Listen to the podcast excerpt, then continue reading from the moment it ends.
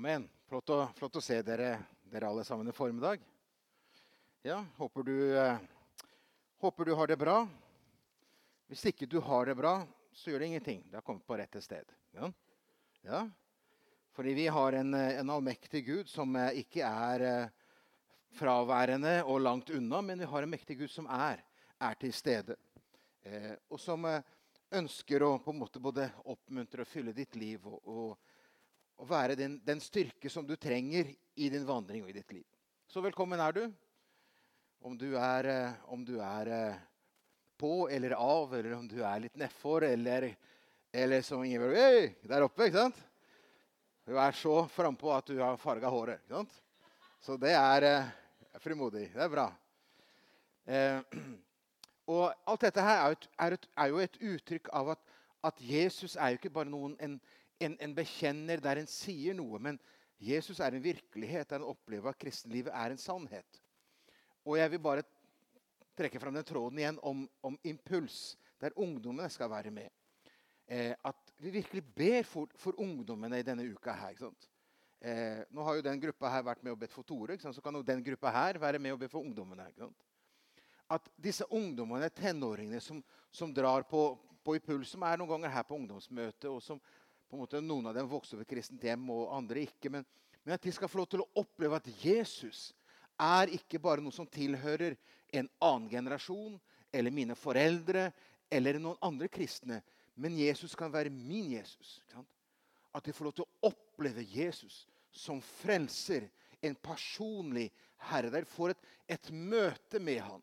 For det er bare Jesus som kan gjøre oss ivrig for ham. Det er, bare, det er bare et møte med han som kan gjøre oss at vi blir glad. Det er bare et møte med han som kan gjøre at vi, at vi på en måte er villige til å ofre alt for å leve for han. Og Det er jo en, en viktig bønn at, at vi skal få lov til å oppleve Jesus. At han er kilde, at han lever, og at han har en personlig ønske for disse ungdommene. Så vær med å be for dem, at de skal få lov til å oppleve denne Jesus på, uh, i denne impulsuka. Med bibeltimen. Se programmet. Så hadde jo til og med vi fått litt problemer ikke sant? når de på en måte avslutter kvelden bortimot tolv og to med, med, med, både møter og konsert på kvelden, og så er det bibeltime. Hele lørdagen på formiddag og ettermiddag, og så er det møte igjen på kvelden, og så møte nesten på natta, og så begynner igjen på lørdags på søndags morgen igjen med, med, møter og bibeltimer igjen. ikke sant? Så jeg tror ikke vi kunne hatt det på menighetstur. Eller vi ikke når vi skal. fordi da, da hadde, Når skal vi sove, hadde vi spurt. Ja. Men hvor fantastisk mulighet der jeg er der med flere hundre tusen kanskje, ungdommer og opplever ikke eh, opplever forkynnelsen som handler om, om, et liv med Jesus. Så vi må bare be for disse ungdommene som er med, og lederne som er med, at Herre må gi dem eh, våkenetter. Nei da. I hvert fall de kan være våkne når du skal kjøre hjem. Ja. Eh, men de skal få lov til å oppleve Jesus. Ja. Vi vet det alle. Det er bare Jesus her. Ikke, ikke bare en, en, bekjennelse av et navn som står på en vegg et eller annet sted, men Jesus her. Mens, sant? mens, da noen reiser eh, eh, til Stavanger, så er det noen andre igjen som skal reise til Brasil. Litt lengre reise. Eh, ikke så intenst program, men med eh, et fantastisk mulighet. Jeg reiser jo da på lørdag og kommer tilbake igjen 10.2. Så er vi borte i to uker. Dette skulle skjedd i november, og, eller skulle skjedd egentlig for lenge siden. Men pga. korona og forskjellige ting så har jo det på en måte alt blitt utsatt. Men det er en, er en, gruppe damer, så jeg reiser med ni damer. Så jeg trenger mye forbund. Ja, ja. For det det blir mye prat. Ja. Men det er damer som brenner for, eh, for misjon, og som brenner for da selvfølgelig daghjemmen i Håp, som har vært involvert i, i Brasilkafeen. Eh, blant annet, og så er det noen nye som ikke har vært eh, mye, så mye med i det. Og så er det da altså Av den gruppa som blir med, så representerer de den menigheten som var på Stord, Fredheim, som fortsatt eksisterer fordi de menneskene eksisterer. ikke sant? Eh, som solgte det bygget, og noe av de pengene gikk for at vi kunne fullføre bygget og byggverket som står der i byen Resif. Et daghjem for disse, disse barna. Eh, og Det blir fantastisk å kunne få lov til å vise dem det. Og så er jo det Jeg har jo litt ekstra program, for jeg har jo en del andre også ting, så blir noen blir med på det. Men, eh, men, at dere kan få lov til å være med og be for dem. At de skal få selvfølgelig en, en trygg tur. Men at de skal få lov til å få se hva Gud gjør. Hva Gud gjør med, med de midlene og, og, og frivilligheten som man, man, gir inn i Guds rike. Så kan man få se det underet og få lov til å kjenne, kjenne enda større kjærlighet for misjonsarbeid og det Gud, Gud, gjør. Jeg har en video her som er eh, Siden vi sang engelsk, så tenkte jeg kan jeg ha det på portugisisk. ikke sant? Neida. Neida. Det er en video eh, som er en presentasjon av, av Nytt Håp, som de bruker i Brasil. har brukt i Brasil til innvielsen i fjor. Eh, det er teksta selvfølgelig på engelsk. Eh, så hvis ikke du kan verken portugisisk eller engelsk, eh, så får du sett på noen bilder. i hvert fall. Eh, men det er litt av det, det arbeidet i, som vi skal se på. da. Ja. Ja, Det er ingenting som er umulig mulig for Gud. Så det er det Gud gjør. Hele verden, og han gjør her òg. Gud frelser mennesker. Gud bruker menigheten, Gud bruker sitt folk til å bringe det fantastiske evangeliet. Og også bringe da selvfølgelig evangeliets resultat. Og det er det omsorg for mennesket, og det er også den diakonale delen. Eh, så eh, vær med og be for dette. Det er jo fantastisk, alle disse barna. Er, eh, prosjektet ligger i slummen, så det er jo barn som kommer rett fra slummen eh, og inn der. Og er fra tre til fem eller seks år. Eh, spesielt nå. Eh, men forhåpentligvis kan det utvides. Men det er spesielt i en aldersgruppe pga. De enorme behovene. Og det er klart at Når du har barn som sitter der som tre- og fireåringen og ikke klarer å uttrykke så veldig mye annet enn at de er, bare, de er redd for voksne, de er redd for, å, for hverdagen fordi de, de, hører jo skuddvekslinger, de, de har sett folk bli drept, og de har sett volden så nært innpå. Samtidig som de har familiestrukturen som er så vanskelig, og samtidig som det også selvfølgelig i forhold til det med mat og trygghet er, har de ikke. Og da kunne jeg komme til et sted hvor de opplever omsorgsfulle voksne eh, som er, er, stabile mennesker, og som opplever et trygt sted. Og størst av alt, der får du også oppleve å høre om Jesus. Om Gud som elsker dem så mye at han ga sin sønn for dem. Eh, så det er jo den gaven vi får lov til å være med og dele. Ja, herre, vi takker deg og står inn for deg nå her i denne stunden. Vi bare takker deg, Herre, for det du, eh, det du gjør i Brasil med disse barna i Aseni. Herre, takker deg for at Be for denne reisa, Herre, at det skal bli en, en, et reise her der vi kan få lov til å oppleve ditt nærvær, Herre. Oppleve, Herre, hvordan, eh, hvordan du elsker, Herre Jesus, alle mennesker, Herre.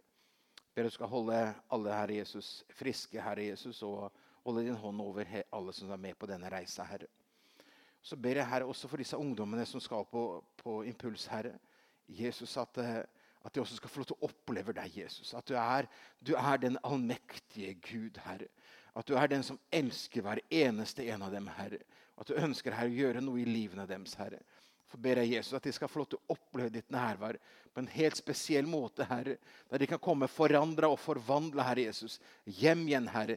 Både til menigheten og selvfølgelig til sine familier. Der jeg opplevde en personlig Jesus, Herre. Vi, vi legger dem innenfor deg, Jesus, og ber om din velsignelse nå i ditt navn, Herre. Så ber vi om fortsettelse av møtet, Herre. At vi kan få lov til å stå inn, din, inn, innenfor din nærhet, Herre, og få lov til å bare takke og prise ditt navn, Jesus. For at du har elsket oss med så stor kjærlighet, Herre. Og at du ønsker, Herre Jesus, å, å lede våre liv, Herre Jesus. Holde oss oppe, Herre Jesus. Vi skal få lov til å oppleve deg i hverdagen og i våre liv, Herre. At du er Herre. Du er kraften, du er oppstandelsen, du er livet, Herre. Vi legger nå, Herre Jesus, resten av møtet i dine hender. Amen. Amen. Ja, jeg tenkte plutselig at jeg fikk dårlig tid. Så.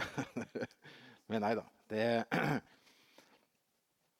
det er viktig at, vi, at vi, vi, er med å oppmuntre hverandre i, i, de forskjellige tjenester som man har både i menigheten og, og, og i livet. Og hvor, hvor, viktig det er at vi har, har et perspektiv.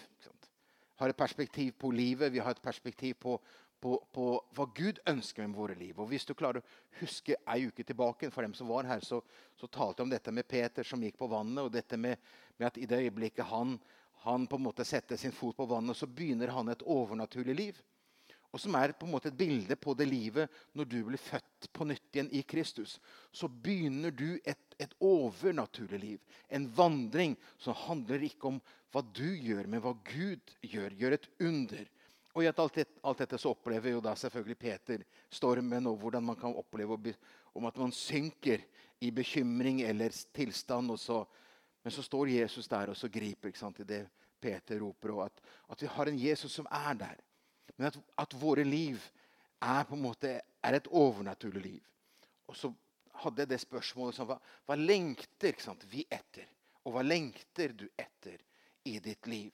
At lengselen skal være der. Og som jeg refererte til Paulus, som lengselen lå der i hans liv fortsatt når han skriver det brevet i Filippe-brevet. Eh, for han har selv blitt grepet av Jesus. Og Så skriver da Paulus noen, noen oppmuntrende ord. Eh, vi pleier å si ungdom, men når han skriver dette, så er ikke den ungdom til Motus lenger så veldig ungdom. Men han er ganske voksen. da. Og Det har med perspektiv å gjøre, selvfølgelig. Så for en, en 80-åring så er en 40-åring en, en, en, ungdom, kanskje. Eller eh, 45-åring en ungdom. Men, eh, men han skriver eh, noen ord her som er, er veldig kjente vers, som vi på en måte ofte bruker for å oppmuntre hverandre. Men jeg skulle jeg ønsker å bruke den teksten for å være med å, med å oppmuntre den enkelte av oss i det Gud har gitt oss som person, som enkeltperson, som enkeltindivid og som menighet. Et oppmuntring av hvem Faderen er, selvfølgelig, men en oppmuntring av Den hellige ånds kraft i våre liv. Det står i 2. Timotius eh, brev, kapittel 1. Så skal jeg lese fra vers, vers 3 til og med vers, eh, vers 7. Paulus' andre brev til Timotus. Om teksten min er litt annerledes når jeg leser, så, så er det fordi jeg leser fra den uh, Bibelen Guds ord fra Hermon sin. og Den, den har, vi ikke, har, vi ikke, på PC-en. Vi har enten den 2008- eller 2011-oversettelsen. Eh, så, så, derfor kan det høres litt forskjellig, men selvfølgelig meningen er akkurat den samme. Eh, der skriver Paulus følgende.: Jeg takker Gud som Eh, fra vers 3 også. Jeg takker Gud, som jeg tjener med ren samvittighet, slik mine eh, forfedre gjorde, når jeg ustanselig husker deg i mine bønner natt og dag. Jeg lengter inderlig etter å se deg når jeg husker dine tårer, for at jeg kan bli fylt med glede. Ettersom jeg ble minnet om den ekte troen som er i deg, den som først bodde i din mormor Louise og i din mor Eunike og som jeg er overbevist om også bor i deg. Derfor minner jeg deg om å vekke Guds nådegave til live igjen, den som er i deg ved at jeg la hendene mine på deg. For Gud har ikke gitt oss en motløshetens ånd, men en kraft, kjærlighets- og sindighetsånd. Amen. Som, det, som, dere ser, så er det kjente vers i oppmuntringen av, av av Paulus. Og hvilken kontrast det egentlig er sånn i, i sammenheng. Fordi eh, Timotius han er i Efesus, han er altså det, i dagens Tyrkia. Og der er han som leder i menighet og har vært en, en god stund og, og, på en måte lever i frihet. Mens Paulus sitter ikke ikke et fengsel lenger, man kan snakke et fangehull i Rom. Kanskje, kanskje eh, sitter han lenker, eh, lenker til en vegg eller et eller annet.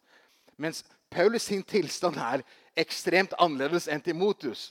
Og hans mørke tilstand er at han er der i avslutningen av livet. Han vet at han nærmer seg slutten der han skal på en måte bli avlivet og, og dø martyrdøden. Han vet at, at, det går inn den retningen. Og det er han som skriver en oppmuntringsbrev til han som er fri. Han som er i menighet i Efesus, en av de fantastiske menighetene, nytestamentlige menighetene, og som er i tjeneste. Så er det jo, er det liksom veldig kontrastfullt. Men, men så viser det om, om, om, Paulus sitt hjerte, der han, han, på en måte oppmuntrer Timotus. Fordi Paulus har jo selvfølgelig forstått noe for sitt liv og tjeneste. Hvorfor han fortsatt er der han er. At ikke han har gitt opp eh, løpet. At ikke han har gitt opp tjenesten. At ikke han har blitt en, en, en, en, sur og bitter tjener som bare klager på Gud og mennesker. fordi se hva alt jeg har gjort, og så sitter jeg her i fangenskap. Men han, han gir et råd til, til, til, til mot, som handler at, at, hans kilde i livet er jo, er jo Jesus. Og den åndens kraft som er i hans liv, som gjør at Paulus beviser igjen, sånn som vi snakker om Peter som gikk på vannet, der Paulus lever et overnaturlig liv. Der han skriver et oppmuntringsbrev når han er i fangehullet og venter på sin død. Så istedenfor å skrive et brev at, ja, at liksom bare klager, så er det bare en, en oppmuntrende ting. Og han bruker, ja, Jeg har delt opp, opp, opp i tre eh, følgende måte Paulus han oppmuntrer Timotius på. Og det første han oppmuntrer ham på, er å se på hans åndelige arv. Se hans åndelige arv. Det står her i vers, eh, i vers 5 så står det at jeg blir minnet om den ekte troen som er i deg. Altså, så Han visste jo at når han, når han møtte Timotus første gang Apostelens gjerning 16 i Lystra, eh, så møtte Paulus en, en, eh, en ungdom, da, en, kanskje en tenåring, som hadde en ekte og ærlig tro. Han ønsket å leve for Jesus, han ønsket å tjene Jesus. Og det var liksom ikke bare i munnen, han sa det i munnbruk, men, men det var et liv. Et liv i tjenesteoffer. Og det er det Paulus sier at jeg husker når jeg traff deg. ikke sant? At du var jo ekte, eh, og troen i deg som var ekte. Men som først var hos hans mormor og hans mor Eunike. Det, det, å kunne få lov til å se at, at man er heldig som har hatt kristne foreldre eller besteforeldre. At man kan se tilbake at du, du har hatt noen Timotus i ditt liv som var ekte i sin tro. Og som brakte den troen til ditt liv. Og hvor velsigna du er. Se på dem. Se på livet deres. Og det kan vi se på våre liv av foreldre eller besteforeldre som på en måte har hatt tro, en levende tro, og som har ikke bare sendt deg til søndagsskolen, men kanskje har vært med deg. til søndagsskolen og på møtene og vært der til stede. Der Jesus ikke er bare en, en, en ting man gjør på søndagsmøtet, men der Jesus er noe man har i hjemmet. Derfor vil jeg oppmuntre deg som foreldre og besteforeldre og kanskje til og med oldeforeldre. jeg vet ikke, ikke Men at du som foreldre og besteforeldre at du lever ditt kristent liv foran barna og barnebarnet. Lev det ut. Lev det ekte. Lev det ærlig. Ikke bare på møtene når du kommer hit og må dra deg på møte, men lev det i hjemmet.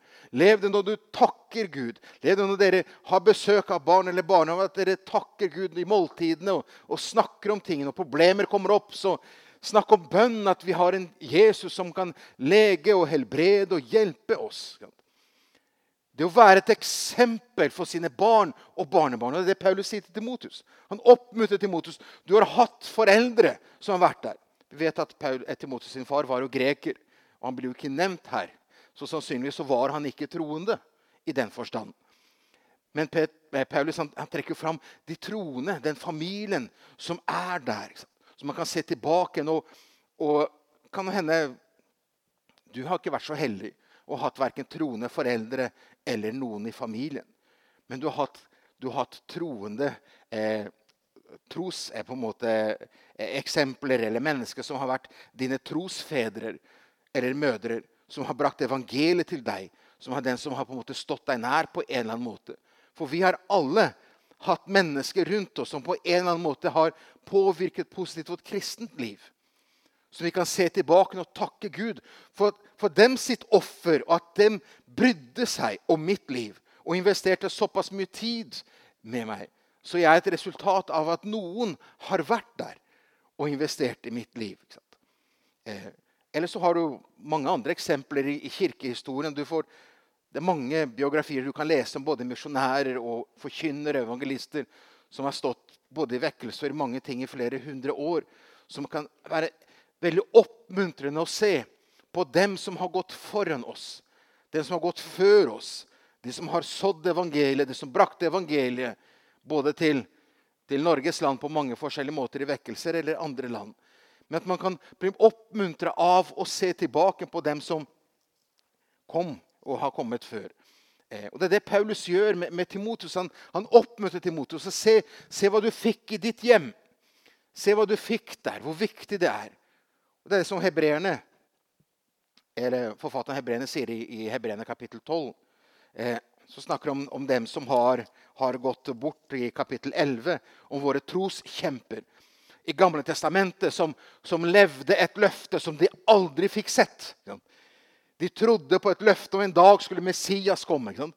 De ga sitt liv, og noen døde, noen ble torturert. og På mange måter så levde de i en tro på noe som ikke de, de kunne se enda, men men de hadde et håp i sitt hjerte. Det er det kapittel 11 handler om.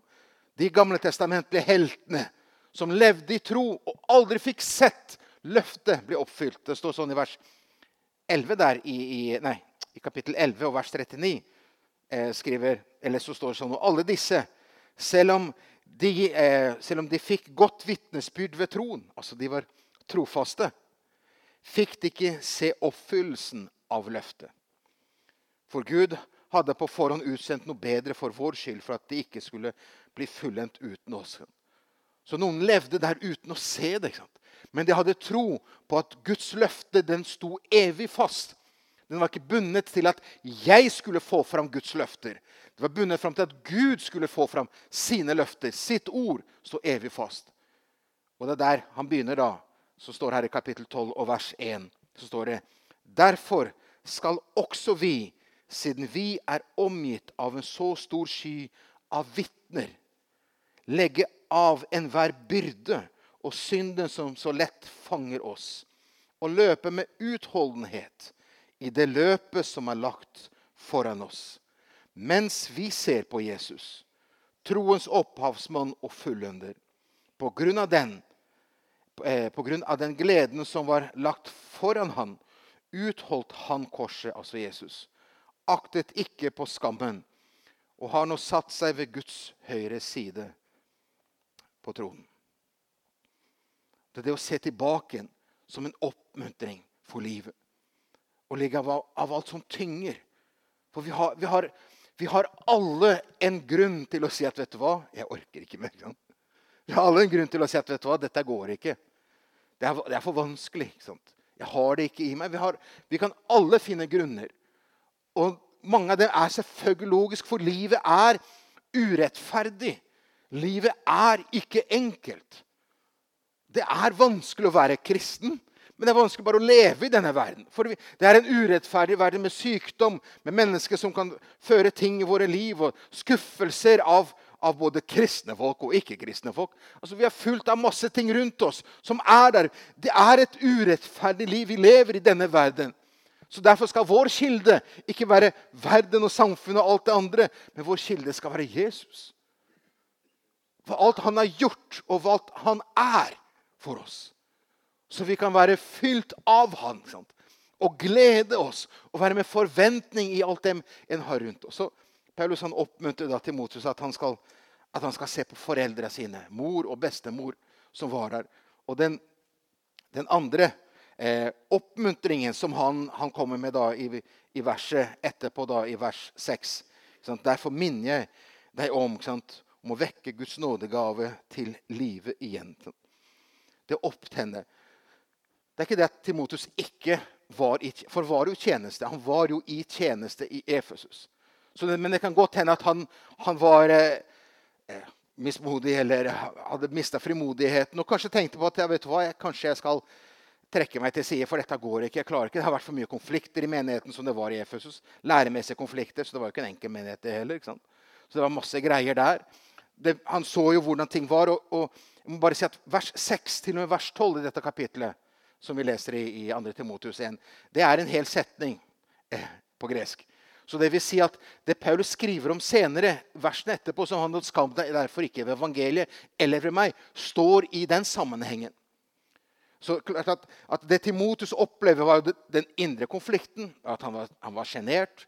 Det står tjeneste, konflikter innad i menigheten. Men også se hvordan forfølgelsen nå begynner å reise seg. Så Peter er i, nei, Paulus er i fengsel. Kanskje han vil fengsle meg òg. Kanskje, kanskje, jeg også vil gå gjennom de samme tingene som Paulus. Man kan kjenne frykt, man kan kjenne redsel. Skammen. Det står om skammen. Skam deg ikke derfor, står det der i vers 8 så handler ikke det et skam fordi en, liksom en, en, er flau over å være en kristen. Men det er litt, det er litt vanskeligere å, å, forkynne evangeliet på den tiden enn i dag. Litt farlig å si vanskeligere. Men i den forstand at når vi forkynner Jesus, så forkynner vi i en 2000 års kontekst. I 2000 år har menigheten vokst i hele verden. Det finnes kristne i alle kontinenter, i alle land. Vi står på skuldre av mange som gikk før. Men hva var det Timotus da forkynte? Jo, han forkynte om en kriminell som ble dømt til døden 30 år tidligere i Palestina, ved Jerusalem, og ble korsfestet av romerne. Han er frelseren. Det er litt annerledes. Nå satt jeg veldig på spissen her. ikke sant? Men, men, du skal få skjønne hvor, hvor Det var liksom ikke bare å, å forkynne at frelseren Jesus Aldri hørt om Jesus. Ja, Hvordan levde han? Hva gjorde han? Han gjorde store ting. Ja, hvordan endte det med? Jo, han ble dømt til døden. av romerne. Ok, Er han min frelse, liksom? Dette her var veldig rare greier. Så det er et under at folk ble frelst på den tiden. Det er under i dag òg. Men det er helt ulogisk at folk skal tro på en, en, en som er dømt som en kriminell, skal være min frelser. Selvfølgelig, Jødene hadde jo en forventning av Messias og hadde en, en gammeltestamentlig forståelse av hvem Messias skulle være. Men ikke romerne, grekerne. De hadde, hadde ikke peiling. Aldri hørt om Moses. Aldri hørt om løftene. Ingenting om Gamle testamentet hadde hørt om jødene, for de hadde jødene i sine byer. Men for dem så var dette helt rart. Men med under og tegn, som selvfølgelig skjedde, og troen som er plantet ved Den hellige ånd, så skjer det underet. At folk som har null peiling på Jesus, plutselig blir frelst og tar imot.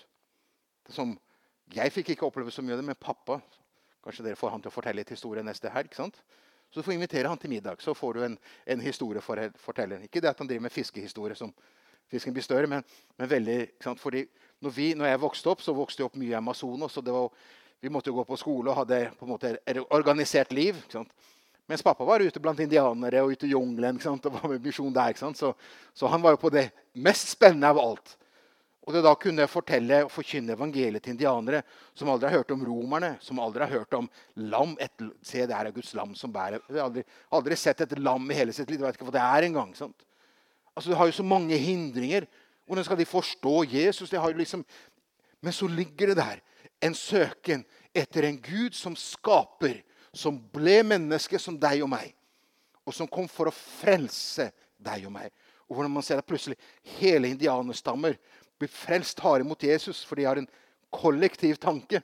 Så det er liksom én indianer. Men når høvdingen og alle lederne sier ja, så sa alle ja. Kollektiv frelse. Og Kornelius sitt hus. Så er det i Apostelens gjerninger.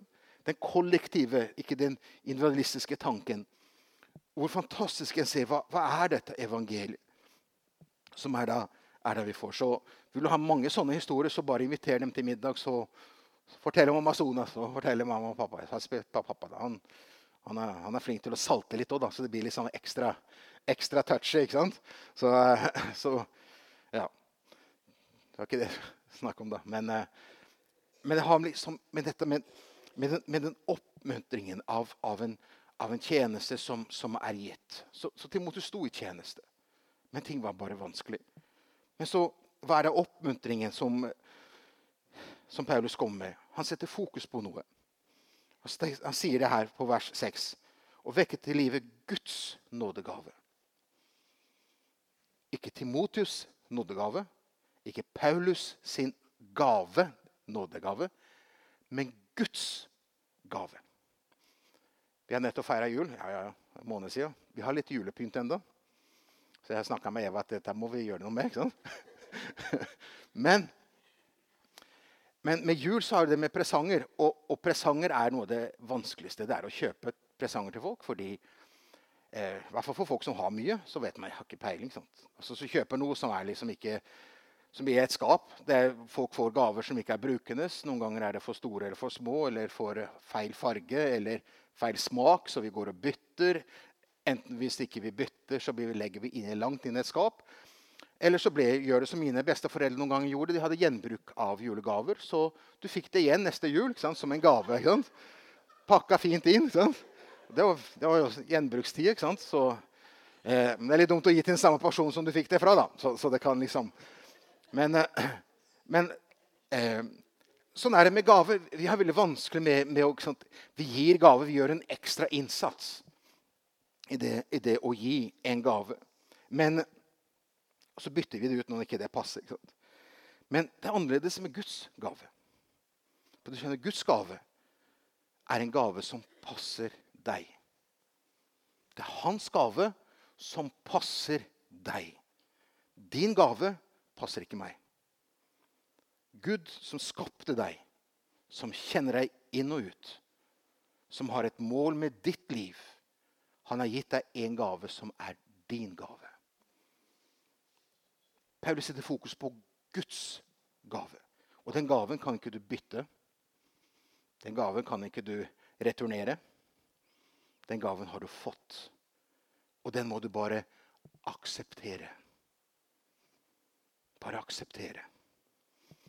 Og noe av, eh, av gavens eh, på en måte mål i alt dette, det er jo det at Eller i, i dette med gave, er jo at det er jo en, en det er ikke noen betingelser knytta til denne gaven.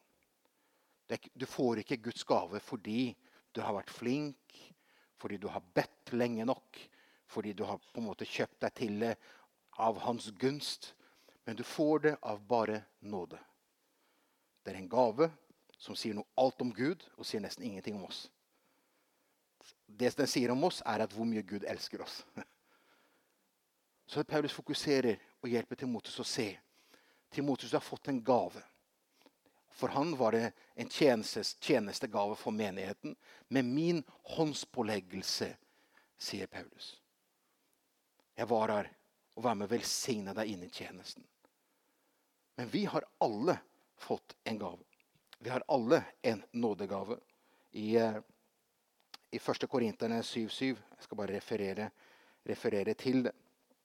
Så skriver Paulus da til menigheten der at jeg skulle ønske at dere alle var som meg. Da snakker han om hvordan han levde, selvfølgelig. Men så sier han sånn i eh, andre delen av vers 7 i 1. Korinterne 7. Men enhver har sin egen nådegave fra Gud.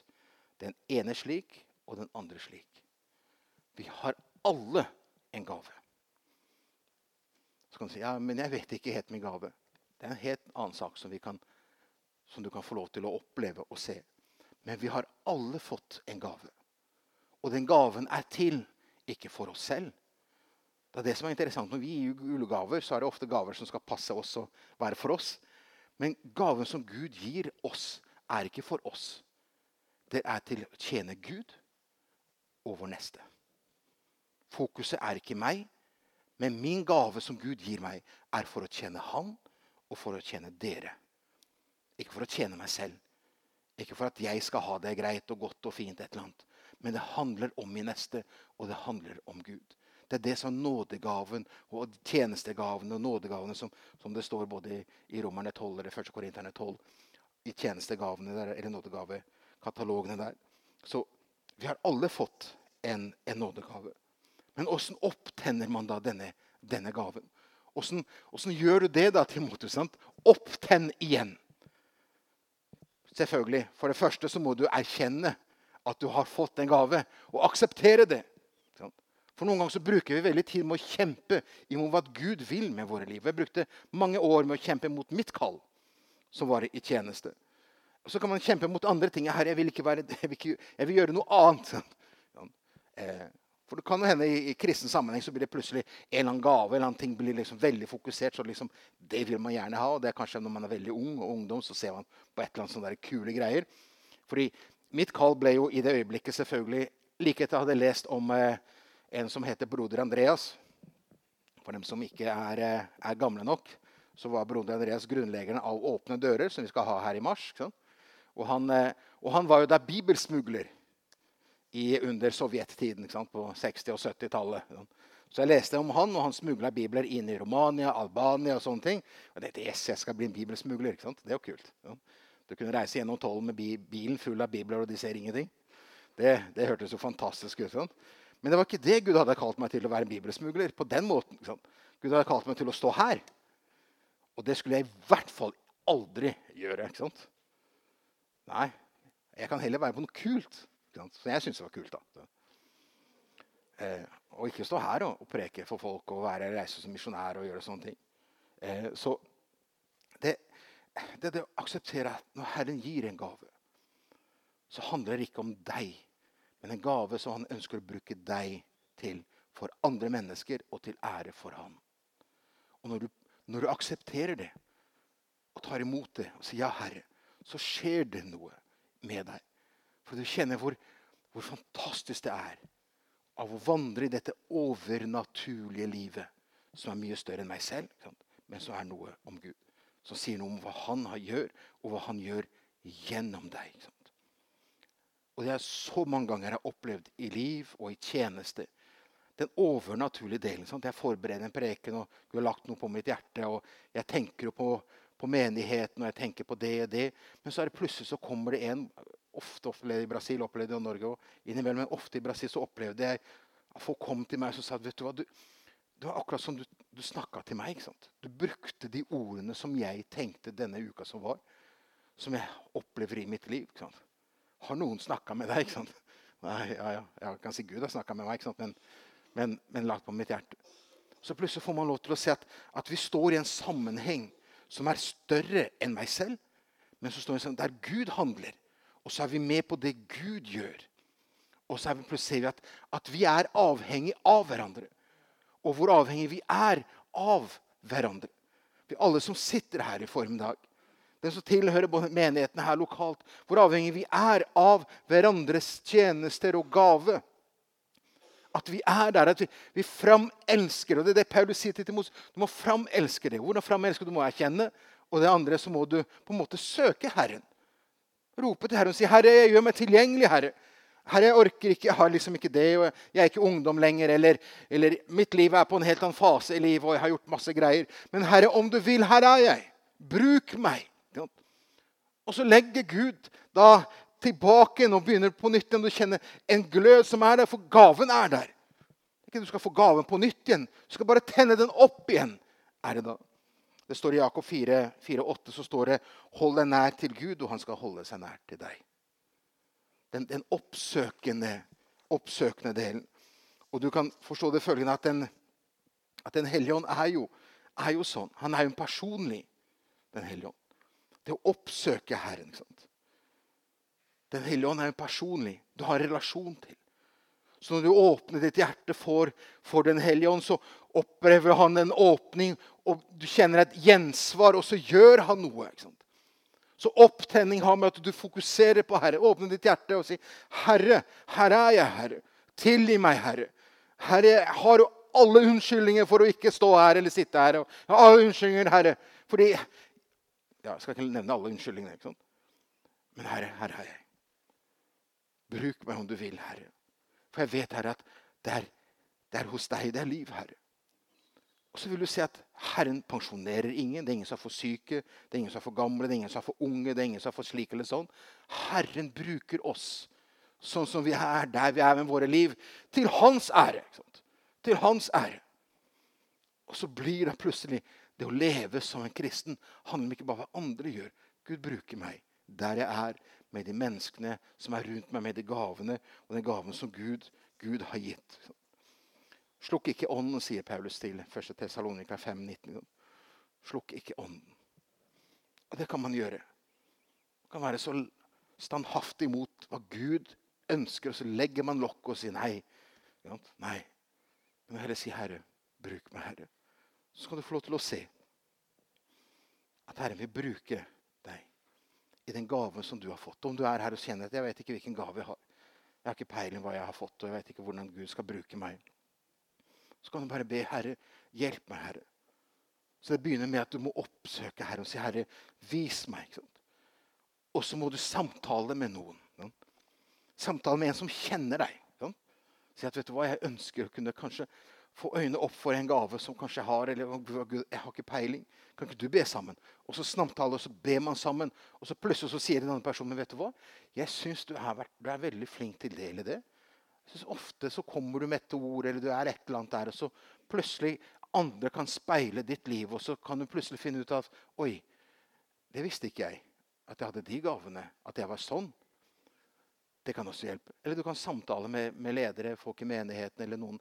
Men det er liksom å åpne hjertet og si at herre, herre, jeg ønsker å finne Herre Jesus, de gavene som du har gitt meg. Og det er både naturgaver og selvfølgelig åndelige gaver, som er det overnaturlige, som Herren også gir. At man kan få lov til å søke. Så om ikke du vet og har noe i ditt liv i hele tatt, så har Herren gitt deg. Eh, og, om, og, du som har, og vet det, Opptenn kanskje på ny din gave. Og da er det siste verset. Jeg skal vel være rask på det, da. Som er det mest kjente her, som vi leste her. For Gud har ikke gitt oss motløshetens ånd. Eh, men han har gitt oss her kraftens, kjærlighetens og sindighetens ånd. Så Paulus han, han, han fokuserer på hva du ikke har fått. Hva er Paulus' oppmuntring? Han oppmuntrer ham med å si at du har ikke fått mismodigheten, fryktens ånd. Det er ikke det du har fått, for det, det har vi i oss. Gud trenger ikke å gi oss mer av det. ikke sant? Vi har veldig motløshet. ikke sant? Vi har veldig mye frykt, vi har veldig mye angst, vi har veldig mye greier. ikke sant? Det skal ikke så mye til før liksom, ja, det er mye motvind i livet. og et eller annet greier. Så, så, det har vi. Vi trenger ikke å få det av Herren. Liksom. Så han sier hva du ikke har fått. hva Du ikke har fått, du har ikke fått motløsheten. Det er ikke, det er ikke det Herren har gitt ditt liv. Ånden, Den hellige ånd, er ikke der for å gjøre deg motløs og fryktsom for alle mennesker og liv og hva som skjer. Han har gitt deg kraft. Hvilken kraft? Kraft til å leve ut kristenlivet. Leve ut tjenesten. Kraft til å møte problemer. Kraft til å møte fienden. Kraft til å møte alt det som er av farer i livet. Kraft til å leve et kristenliv gjennom dette. Det er det Paulus han sitter der i fangenskap i Rom, i, et, et, et, eller annet sted, en mørk hull der i bakken. For det var ikke sannsynligvis var han under bakken. I et fangenskap, i, i et fengsel med, som er, er helt mørkt. Og Der skriver han et brev til Timotius og oppmuntrer han. Hvorfor det? Fordi han har en kraft i hans indre som har ikke med omstendigheter selv om det er kamp i han. Men vi har fått noe annet enn det samfunnet gir, eller det vi har i oss selv som menneske. Vi har fått åndens kraft.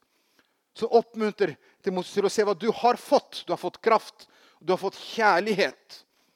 Det åndens frukt er første av de fruktene er jo kjærlighet. Noen mener at kjærligheten er egentlig frukten, og så er alle de andre som står der, det er en konsekvens av kjærlighetens frukt. Men, men vi har fått kjærlighetens frukt. Guds ånd gjør Den hellige ånd. Og det er kjærlighet som skal drive oss i tjeneste og i takknemlighet til Gud. Å være glad i Jesus er det ikke fordi jeg må, nå må jeg være glad i Jesus, sånn. men fordi jeg elsker Jesus. Jeg elsker å tjene han. Jeg elsker å gi mitt liv til han. Jeg elsker min neste. Fordi jeg har opplevd Jesus sin kjærlighet i mitt liv. Så, så åndens kraft og åndens kjærlighet er det som skal drive våre liv. Så vi er glad. Og ikke bare sure og misfornøyd med alt det som er, som, som er så lett at vi blir. Fordi livet er sånn. Men så sier Paulus det har ikke Gud gitt deg. Gud har gitt en ånd fylt av kraft, fylt av kjærlighet. Du skal få lov til å kjenne kjærligheten. Fyller ditt indre. Så du ikke, du ikke skal føle frykt, du skal ikke føle bitterhet. Og skuffelsene kan bli lekt i vårt indre, på liv, virkelighet og alt det som er. Vi kan kjenne hvordan vi opplever, vi oppmuntrer av Den hellige ånd ved Jesus Kristus. Og det siste her sindighet eller visdom, står i min oversettelse, som har med at, at du har en, en balanse i livet. Du, liksom, du er stødig. Du, du, har den riktige påvirkningen av ditt liv. Uansett hvordan ting farer rundt av alt mulig greier, så er du, du er sindig. Ikke den forstand at du, liksom, du er liksom bare der. Men det er ikke det det handler om. Men sinne har at, at du, er grunnfesta i ditt liv på Jesu Kristi verk. Du har en visdom i liv som omhandler at ting forandrer alt så står jeg der fast i Jesus Kristus ved klippen, uansett hva som skjer. Og det er jo Den hellige ånd som, som åpenbarer Guds ord for oss, som gjør at vi kan, vi kan stå der. Så alt dette her, som både kraft, kjærlighet og sindighetens ånd, eller visdomsånd som min oversettelse Alt dette, er Den hellige ånd, det har vi fått av Gud. Og det er jo spørsmålet Har du en gave som du trenger å opptenne på ny? Har du lagt til side ting som Gud har lagt på ditt hjerte. En tjeneste, et kall, en nådegave spesielt. Som du har bare på grunn av alle andre, eller mange grunner, har sagt at jeg, så må jeg bare gjøre. Så vil jeg komme med disse ordene som Paulus kommer til Timotus, også til deg. Opptenn på nyen. Derfor minner jeg, vekk opp Guds nådegave i livet igjen, står i min oversettelse. Vekk det opp igjen. Se, det handler ikke om hva du skal, men at du skal finne gleden i at Gud ønsker å bruke deg. Og hvor avhengig vi er av hverandre. Men vi er avhengig av Gud til å kunne leve dette livet ut i fylt av Hans kraft. Det er kanskje motløs og fryktsomme opplever alt er jo bare ja, Det er som nyhetssendinger. Når man begynner på knappen, så er det bare dårlige nyheter. ikke sant? Det er liksom det er ikke liksom som, som Ingebjørg som var her, Borg som var her i stad. Liksom bare, ja. Gode nyheter. ringte meg på fredag, og jeg sa, jeg sa, ikke til henne, men jeg sa til Lars Magne senere på ungdomsmøtet så sa jeg at sånne telefoner er fantastiske å få. Sånn, for det prata i vei og vei i hundre. Igjen. Det er gøy. Oppleve mennesker som deler de gode nyhetene. Herren ønsker at vi skal være en kilde av Han. Ikke fordi vi skal og må. Nå skal ikke du ta deg sammen med maska og en eller annen greie. Men det å erkjenne hvordan ting er, og si at Jesus, vekk opp på ny en Herre. Herre, vekk opp på ny en Herre. Så jeg kan si at Herre, mitt liv er i dine hender. Herre, så fyll min ånd, Herre. Fyll mitt hjerte av din ånd, Herre. Så jeg kan kjenne gleden. ikke sant? Kjenne kraften og kjenne kjærligheten flommer ut av mitt liv. Herre, kom du over mitt liv. Skal vi være med på avslutningen av møtet, så eh, så har vi det åpent her om du ønsker å søke Herren bare i forbønn for ditt liv. og Kall eller tjeneste eller nådegave som du vet at det er bare, du har gravlagt den for lenge siden. Så forstår du dette at Herren har gitt deg det. Herren tar ikke det tilbake igjen. Det er ikke noe retur på det. Du har fått det. Og Herren ønsker å bruke det du har fått. Men du kanskje trenger å si, 'Herre, Herre, tenn på nyen'. Det inviterer fram lovsangsgruppa kan komme opp. Og så står vi innenfor Herren nå i denne stund og